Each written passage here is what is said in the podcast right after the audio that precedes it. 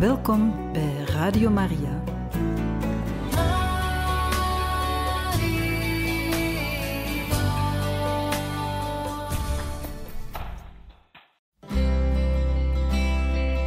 Welkom bij Boekat, een programma van Radio Maria.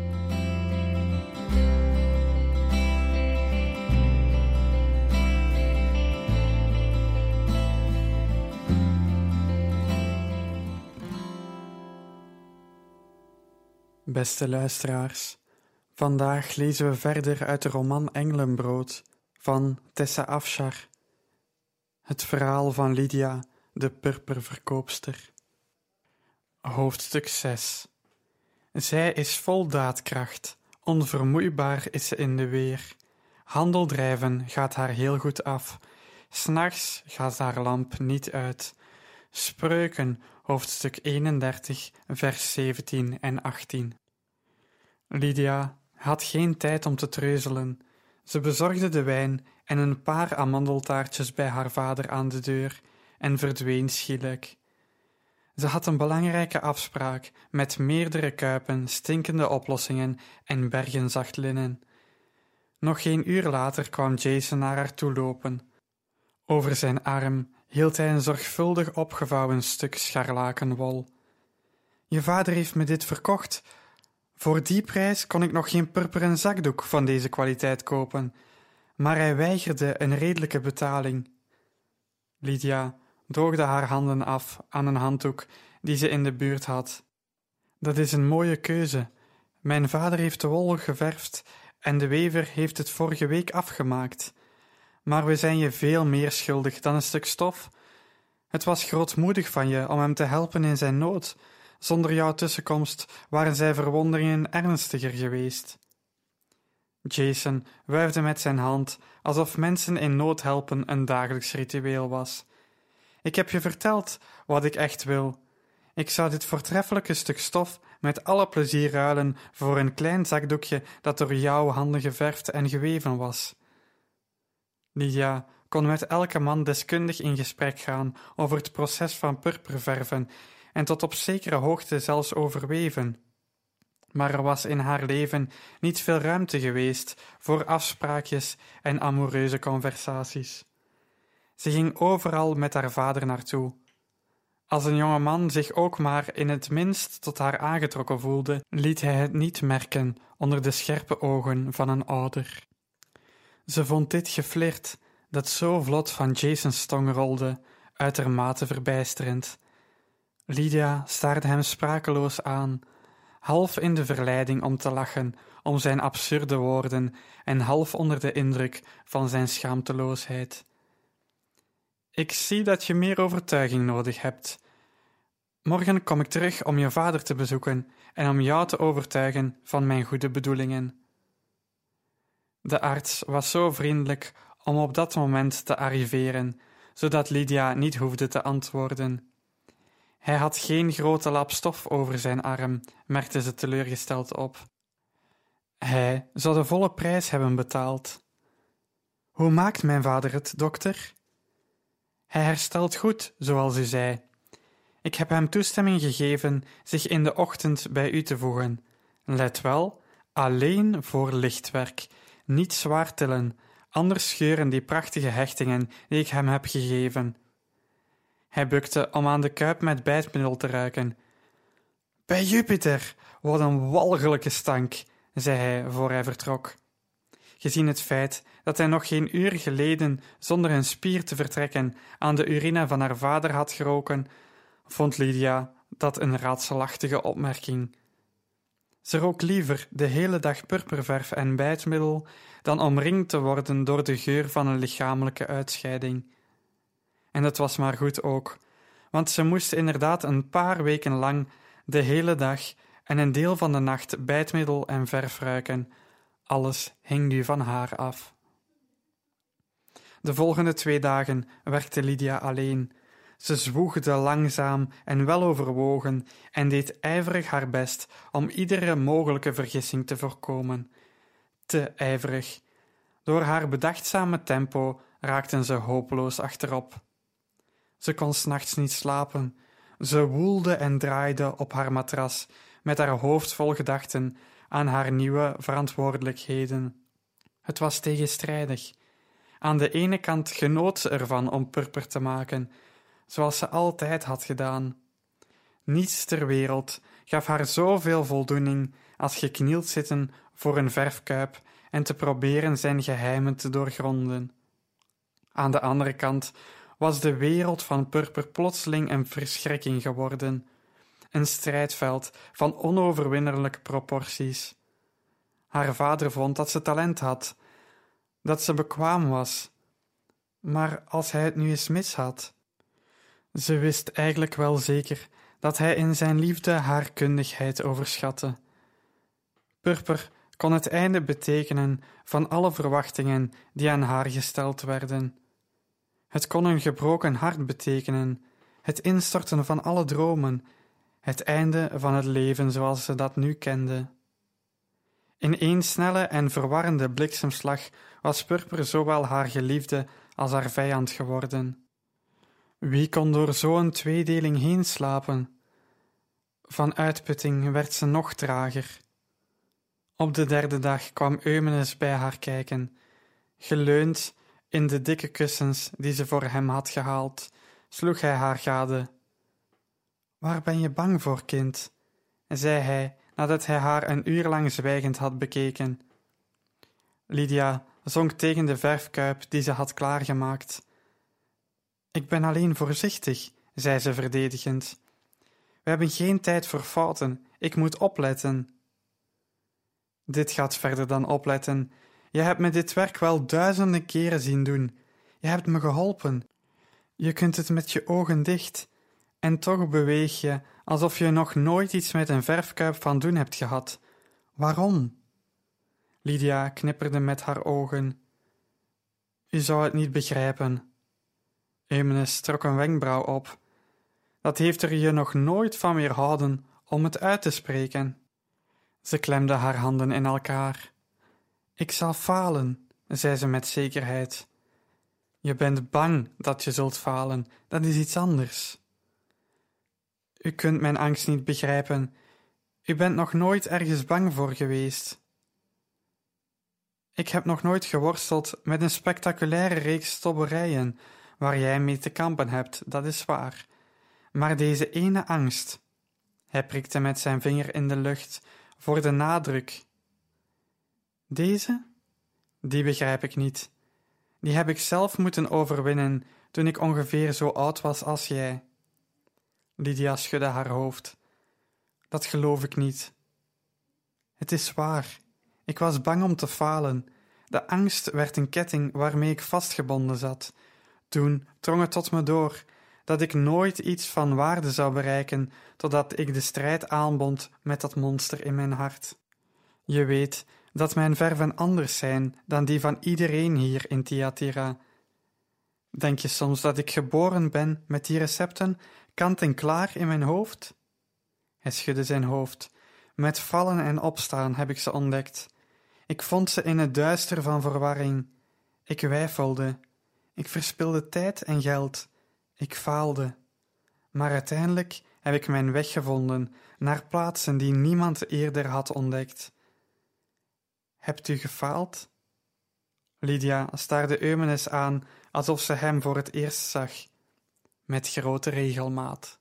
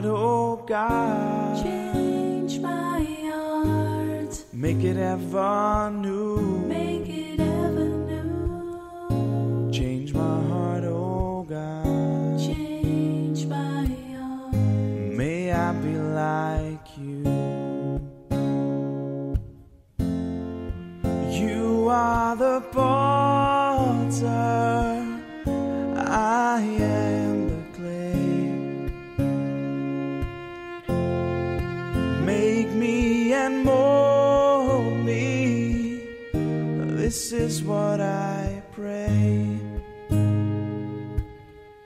Change my heart, oh God. Change my heart, Make it ever new. make it ever new. Change my heart, oh God. Change my heart, May I be like you. You are the potter,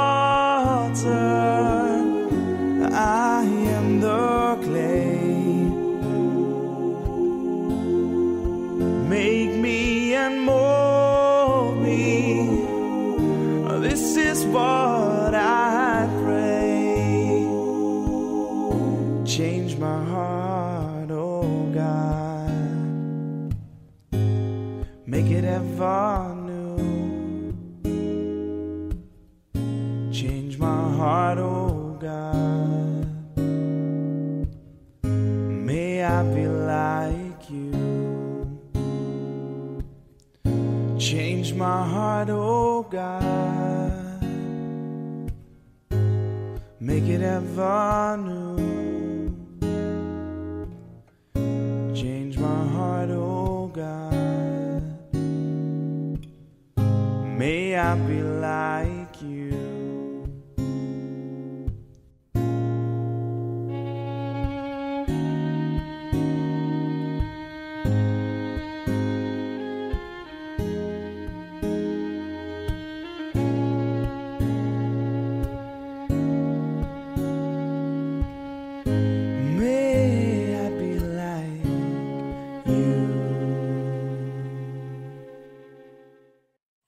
Hoofdstuk 7 Een rechtvaardige komt zevenmaal ten val, maar telkens staat hij op.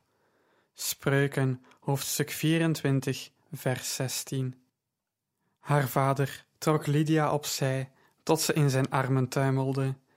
Kind, ik zal je het geheim tot overwinning in dit harde leven vertellen. Strijd moedig. Durf te proberen, in de wetenschap dat je fouten zult maken. Zult steeds opnieuw tekortschieten, want er is geen inspanning zonder dwaling. Uiteindelijk zul je ofwel de overwinning kennen van een grote prestatie, of als je faalt, zul je tenminste weten dat je je uiterste best hebt gedaan. Aanvaard dat je vroeg of laat een fout zult maken. Je werk zal gebreken vertonen, ernstige en oppervlakkige. Leer deze waarheid te aanvaarden en je wordt een meester in je vak. Eumenes pakte een paar bollen linnen en begon ermee te spelen, jonglerend in één hand. Je denkt dat een mislukking de vijand is, iets waar je bang voor moet zijn. Dat is niet zo. Mislukking is je vriend, je leermeester. Je kunt er meer van leren dan van een grote overwinning. Op de weg naar succes kun je maar beter vertrouwd raken met de scherpte van de mislukking. Tot haar ontzetting gooide hij een van de bollen linnen naar haar toe, en ze moest haastig overeind krabbelen om hem midden in de lucht te vangen, om te voorkomen dat hij in de verfkuip viel, zonder eerst netjes te zijn ontward. Doe maar, zei hij, durf maar. Laat me zien dat je niet bang bent om te falen. Lydia drukte het garen tegen haar borst. Maar ik ben wel bang. Wat als we deze klant kwijtraken? Dan vinden we wel een andere. Stel dat hij slecht over uw werkplaats spreekt, omdat mijn werken gebreken vertonen. Dan haal ik er zo vijftig tevoorschijn die er goed van spreken. En als dit linnen verknoeid is? Ik weet waar ik meer kan kopen. Maar we hebben geen geld. Dan verdienen we meer. Lydia stak haar hand op. Wees praktisch. Ik ben een meester in mijn vak geworden door praktisch te zijn. Ik ben meester geworden omdat ik de mislukkingen durfde te trotseren. Lydia, Je bent verantwoordelijk genoeg voor tien. Je zult nooit het gevaar lopen om onbekwaam en onbetrouwbaar te worden. Je hebt talent, training en kennis. Je werkt hard. Dit ene houdt je terug. Je zou grootsheid offeren op het altaar van de angst. Die weg leidt slechts tot middelmatigheid. Geloof me, het is de weg die velen kiezen en die uiteindelijk alleen tot teleurstelling leidt. Lydia trok haar knieën op tegen haar borst en verborg haar gezicht. U bent een rare man. De meeste vaders willen dat hun kinderen slagen. Dat leer ik je. Echt succes. Bovendien hebben we niets te verliezen. In het tempo waarin jij werkt, ben je nu zo ver achterop geraakt dat er een wonder zal moeten gebeuren om het nog in te halen. Een week later zaten ze in de werkplaats met de houten deur open om licht en iets van een briesje binnen te laten in de krappe ruimte. De eerste bestelling was klaar voor aflevering. Ze waren één dag te vroeg. Lydia kon het haast niet geloven. Heel goed, zei haar vader, die hier en daar stukken geverfd linnen bekeek. Dit heb je allemaal alleen gedaan. U hebt me voor de gek gehouden, hè? Toen u zei dat u me niet kon helpen omdat u niet in orde was? Misschien een beetje. Ik ben nu een oude man, hoor. Ik heb zo nu en dan vakantie nodig. Lydia gooide een grote bol wol naar zijn hoofd. Ik heb mijn vingers kapot gewerkt, sluwe vos. Je werkt nu als een echte verfmeesterdochter, zei haar vader met trots in zijn stem. Niet meer een leerling die op eieren loopt, maar een echte meester. Ik heb je goed onderwezen. Lydia zette haar handen in haar zij. U bent gewoon op zoek naar een gratis werkkracht. Nu gaat u zeker eisen dat ik de volgende bestellingen ook in mijn eentje klaarmaak. Eumenes strekte zijn been. Ik heb gezegd dat we een hulp aan moesten nemen. Dat heb je geweigerd. Ze schudde haar hoofd. Als u af en toe eens naar de boekhouding keek, dan zou je zien dat we weinig overhouden om een hulp in dienst te nemen als de belasting betaald is. Rome neemt zijn deel heel ernstig en heel diep. Het spijt me dat ik geen Romeins staatsburger ben, dan was je al die belasting bespaard. Lydia haalde een paar gereedschappen van een plank en legde ze op de stapel die ze in de hoek had gemaakt. U zou er gek uitzien in zo'n zwierige toga als Jason draagt. Ik zie u liever in uw tunica. Over die jonge man gesproken. Hij is de afgelopen dagen vaak op bezoek geweest. Lydia boog haar hoofd en veinsde grote belangstelling voor een pot meerkrapwortel. Hij komt voor u. Eumenes slaakte een diepe zucht. Hij komt voor jou. Hij boog zich naar voren en pakte haar handen. Hij streek met zijn vingers over een fijne blauwe ader op haar pols. Er stroomt purper door je aderen. Dat heb je van mij geërfd. En je houdt van dit stukje grond, het afgebrokkelde huis, de armzalige werkplaats, de ruime tuin met de bron. Dat heb je van je moeder. Als je trouwt, kies aan iemand die daar ook van houdt, een man die je talent begrijpt en ondersteunt. Lydia snoof. Trouwen? Wie heeft het over trouwen? Bent u op uw hoofd terechtgekomen toen u viel? Je bent oud genoeg om over die dingen te praten. Je moeder was net zo oud als jij nu, toen ze met me trouwde. Gaat u die kuipen met verf nu klaarmaken, of blijft u de hele dag doorkletsen? Eumenes haalde zijn schouders op. Over verf gesproken. Ik heb besloten je al mijn geheimen te leren. De meeste ken je al. Nu zal ik je de laatste finesses laten zien die onze verf zo uniek maken. Bewaar ze veilig, Lydia, want ze zijn mijn erfenis aan jou. Lydia tilde haar hoofd op. Vader, ik moet u iets bekennen. Het is me niet gelukt om mijn angst te overwinnen, zoals u wilde. Die bleef me achtervolgen. U zei dat er een wonder nodig was om deze bestelling op tijd klaar te krijgen. En dat is wat er gebeurd is. Ik had geen plotselinge uitbarsting van blakend zelfvertrouwen. Eumenes haalde zijn schouders op. Ik had ook niet verwacht dat mijn woorden je hart binnen één dag zouden veranderen. Woorden hebben de macht om te bezielen, maar ze kunnen geen leven veranderen. Je zult deze les telkens opnieuw moeten leren, over je angst heen te komen, door de ene nieuwe klus na de andere, tot mijn woorden wortel schieten in je hart. Mettertijd zul je merken dat je angst in kracht afneemt. Angst is een lafaard. Als je je tegen hem verzet, slaat hij op de vlucht. Denkt u? Ik ben er zeker van. Je bent klaar, Lydia, om de volledige mantel van mijn ambacht aan te trekken. Ze voelde een opwinding die zelfs Jason's groene ogen niet in haar hadden gewekt. Echt, nu al? Denkt u?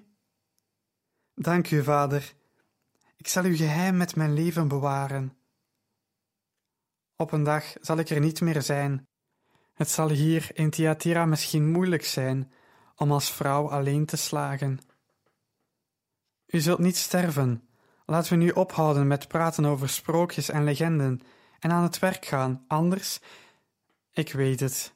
De deuren van Hades zullen opnieuw opengaan en ons geheel opslokken, want we komen te laat.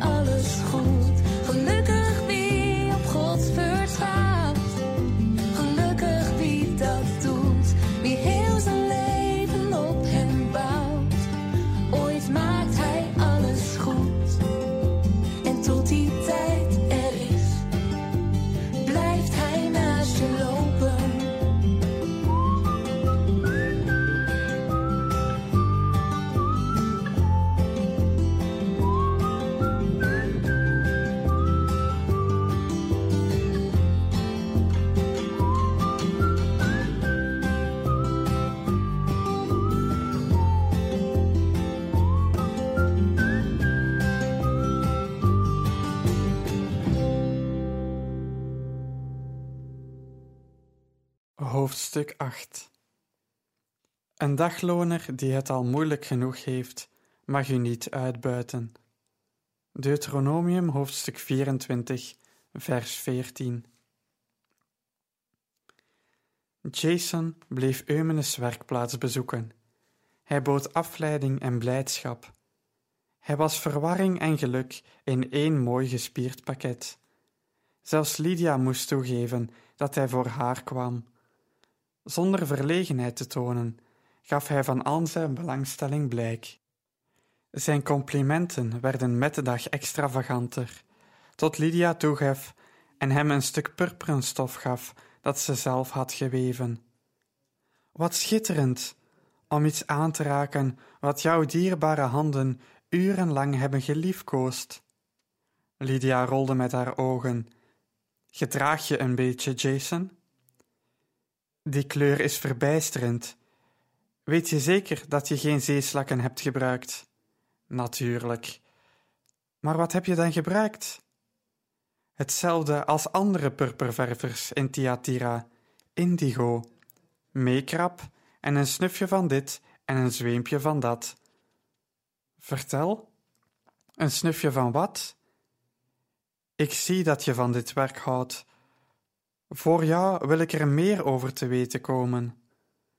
Lydia lachte gevleid. Het zal je heel wat tijd kosten om alle complexiteit van verfwerk in je op te nemen. Ik heb jaren nodig gehad om alles te leren. Ieder bad is uniek, zie je? Je moet leren over proporties en volgorde. Het is geen simpel recept dat we volgen. De natuur schept zijn schatten met grote verscheidenheid. Het ene jaar is het indigo diep, een ander jaar is het lichter. Je moet leren met je hoofd en je hart hoe je op elke verandering moet inspelen, hoe je een bepaalde tint uit verschillende verven kunt krijgen. Jason fronste misnoegd zijn wenkbrauwen. Een verfmeester kan die dingen toch snel leren. Als hij de kennis al heeft, hoeft hij alleen maar de subtiele formules van je vader te begrijpen. Een verfmeester?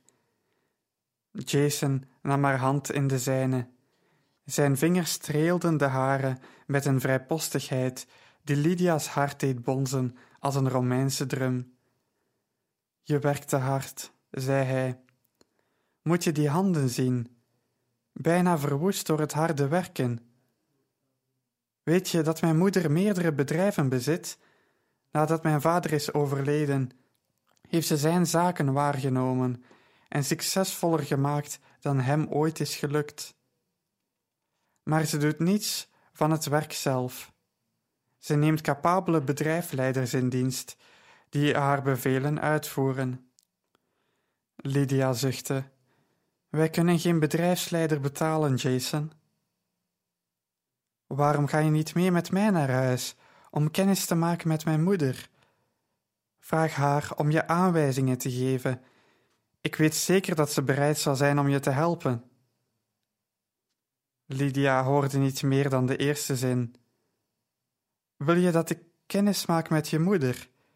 Jason spreidde zijn armen uit. Natuurlijk. Wekenlang heb ik over niets anders gesproken dan over jou, Lydia. Ze is hevig nieuwsgierig naar de mysterieuze vrouw door wie ik elke dag van huis ben. Lydia kon een glimlach niet verbergen. Ik zal het aan mijn vader vragen. Jason woonde in een paleisachtige villa met een etage die even buiten de stad op een vruchtbare vlakte stond, vlak bij de rivier de Rufus. Aan de westkant lag een fruitboomgaard met losbarstende bloesem. Aan de oostkant een bloemen- en kruidentuin. Een slaaf met een ijzig gezicht nodigde hen binnen met een buiging en ging hen voor naar een rechthoekige binnenplaats in het midden van het huis. Lydia bemerkte het ontbreken van een vrolijke begroeting en een vriendelijke glimlach. De duistere oogopslag, en ze vroeg zich af wat voor huishouden Jasons moeder leidde. Een streng huishouden, zo te zien, aan de afgemeten beleefdheid van de slaaf. De open binnenplaats werd omringd door een ruime zuilengang, die bezoekers een overdekt wandelpad verschafte. Tussen de delicaat gebeeldhouwde zuilen werden op prachtige muurschilderingen bekende taferelen uit het leven van Griekse goden afgebeeld. Lydia veegde haar natte handpalm af aan de stof van haar tunica.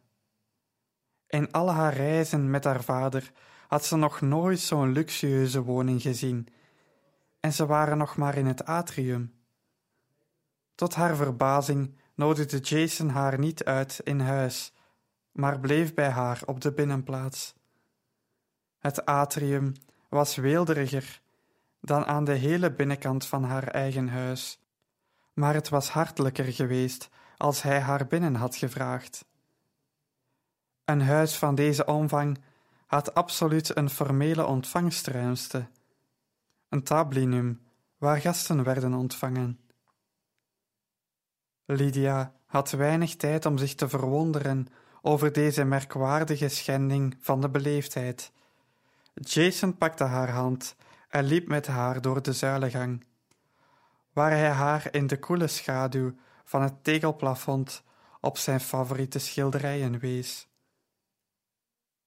Toen Jason haar ijverig het verhaal van ieder tafereel begon te vertellen, werd het Lydia duidelijk dat hij ervan uitging dat ze onwetend was van Homerus en Euripides en Herodotus. Hoewel Lydia zichzelf niet als een geleerde beschouwde, hield ze van geschiedenis en van de oude verhalen van de Grieken, en las ze gretig wanneer ze een exemplaar van een heldendicht of een geschiedenisrol kon lenen. Jason was kennelijk enorm enthousiast over de verhalen die hij haar vertelde. Hij gebaarde met zijn handen om zijn hoofd toen hij de avonturen van Hercules vertelde. Zijn ogen lichten op om het drama van zijn verhaal.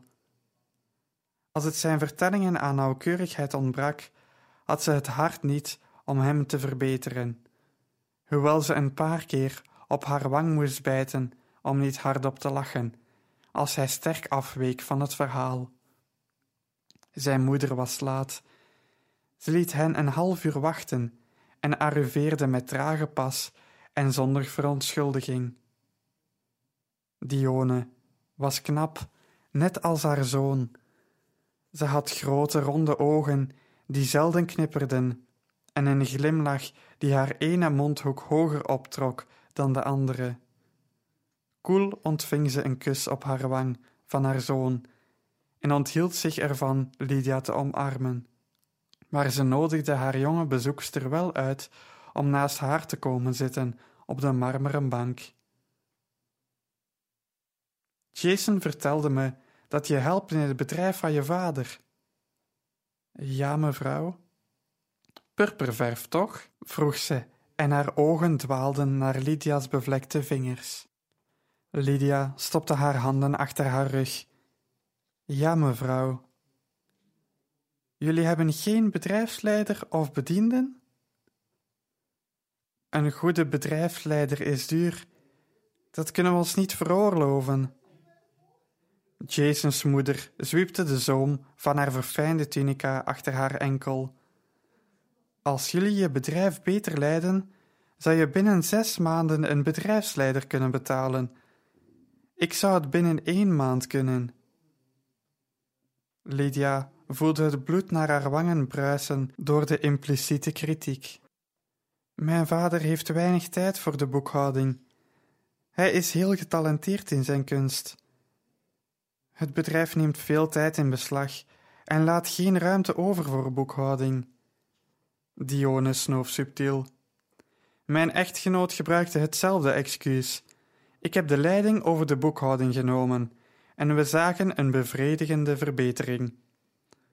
Na zijn dood heb ik zijn bedrijf vele malen vermenigvuldigd. Ze spreidde haar handen om op haar luxueuze omgeving te wijzen. Je zou voor je vader hetzelfde kunnen doen. Laat hem over aan zijn kunst. Maak zijn leven prettiger door zijn succes te vergroten. De marmeren bank met de veren kussens werd oncomfortabel. Lydia schoof heen en weer toen de stilte voortduurde. Eindelijk gaf ze toe. Ik weet niet hoe, mevrouw. Zal ik helpen? Ik wil u niet tot last zijn. Dione wendde haar blik naar haar zoon, die geduldig naast haar stond. Jason is gek op je. Een beetje last moet kunnen. En zo, beste luisteraars, zijn we aan het einde gekomen van deze aflevering. In een volgende uitzending lezen we verder uit het boek Engelenbrood, het verhaal van Lydia de purperverkoopster van Tessa Afshar. Tot een volgende keer.